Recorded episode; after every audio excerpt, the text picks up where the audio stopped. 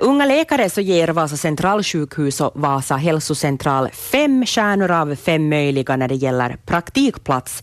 Det är Yngre läkares förening som har gjort undersökningen som alltså visar att unga läkare är riktigt nöjda med sin praktik i Vasa. Malin Holki har åkt iväg till Vasa centralsjukhus för att träffa två unga läkare som båda specialiserar sig inom kirurgi, eh, nämligen Carola Stenros och Niko Limnell. Ja, vi sitter här i aulan med Carola och Niko. Jag ska börja med att fråga vad, vad är det som en ung läkare framförallt vill ha ut av en, en praktik? Som kirurg så vill man ju operera. Man vill ju slippa operera så mycket som möjligt och, och lära känna alla specialiteter inom kirurgin. Vilket, vilket är som krävs när, när man går grundutbildning in, inom kirurgi. Och, och det är ju som det som, det som man hoppas på. Att, att få, få komma framåt och göra så mycket som möjligt. Mm. Och det tycker jag nog att på Vasa centralsjukhus så, så har vi det nog ganska bra ställt på den fronten. Mm. Man får alltså operera mycket olika saker här Niko? Ja, man, får, man börjar alltid med mindre och sen ju längre man är och ju mer man utvecklas så får man sen då mer ansvar och, och det där så småningom göra mer och mer. Mm. Ja, du Karol har varit här nu ett par år och Niko har varit ett år ungefär. Vad, vad allt har du redan tagit dig an? ja, nu är det nästan alla specialiteter som jag har varit på så har jag fått göra någonting.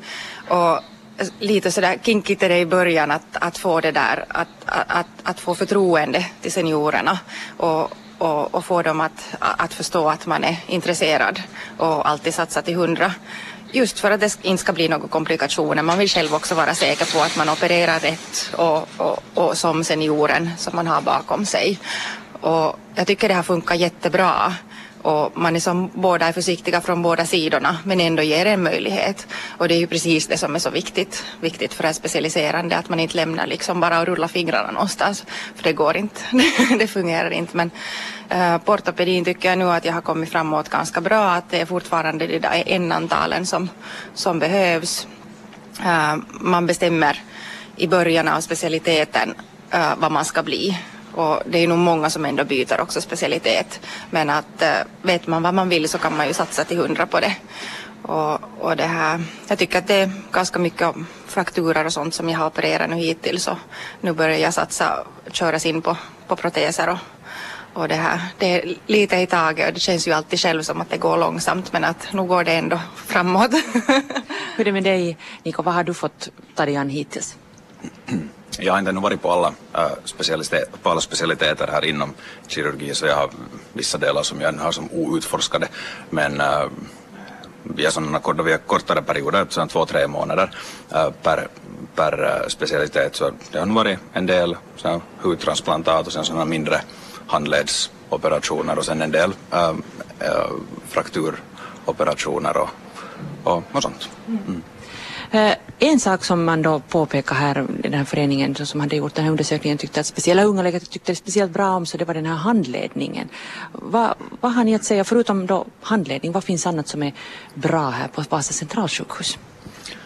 Mm, no, det kanske går lite hand i hand med handledning men jag tycker det som vi kan inte kanske tala mer bara om den här kirurgiska sidan och vi har erfarenhet av den mera men Eh, att det är som organiserat, att man går just som jag sa tidigare att man går några månader per specialitet och går som ett var först och då lär man sig lite mer eller lite om vad de innebär och vad, vad som händer inom de specialiteterna och sen går man ungefär då så att man går som ett tillvarv och får då mer och mer göra då man redan har den där tidigare erfarenheten av den. Att jag skulle säga att det är som bra, bra organiserat och det är som uppbyggt på, på ett visst sätt så att man ska progressivt lära sig mera. Mm. Ja, och, och man opererar ju med senioren alltid mm. så, att, eh, så att man har någon, någon bakom sig. Samma sak med, med jouren också att, att vi har bakjourer alltid som vi kan ringa till. Det känns tryggt. Vi har, vi har aldrig den där känslan att man inte har någon att tala med eller fråga ifall det är någonting som blir kritiskt besvärligt till exempel på, jour, på jouren eller under en operation. Att,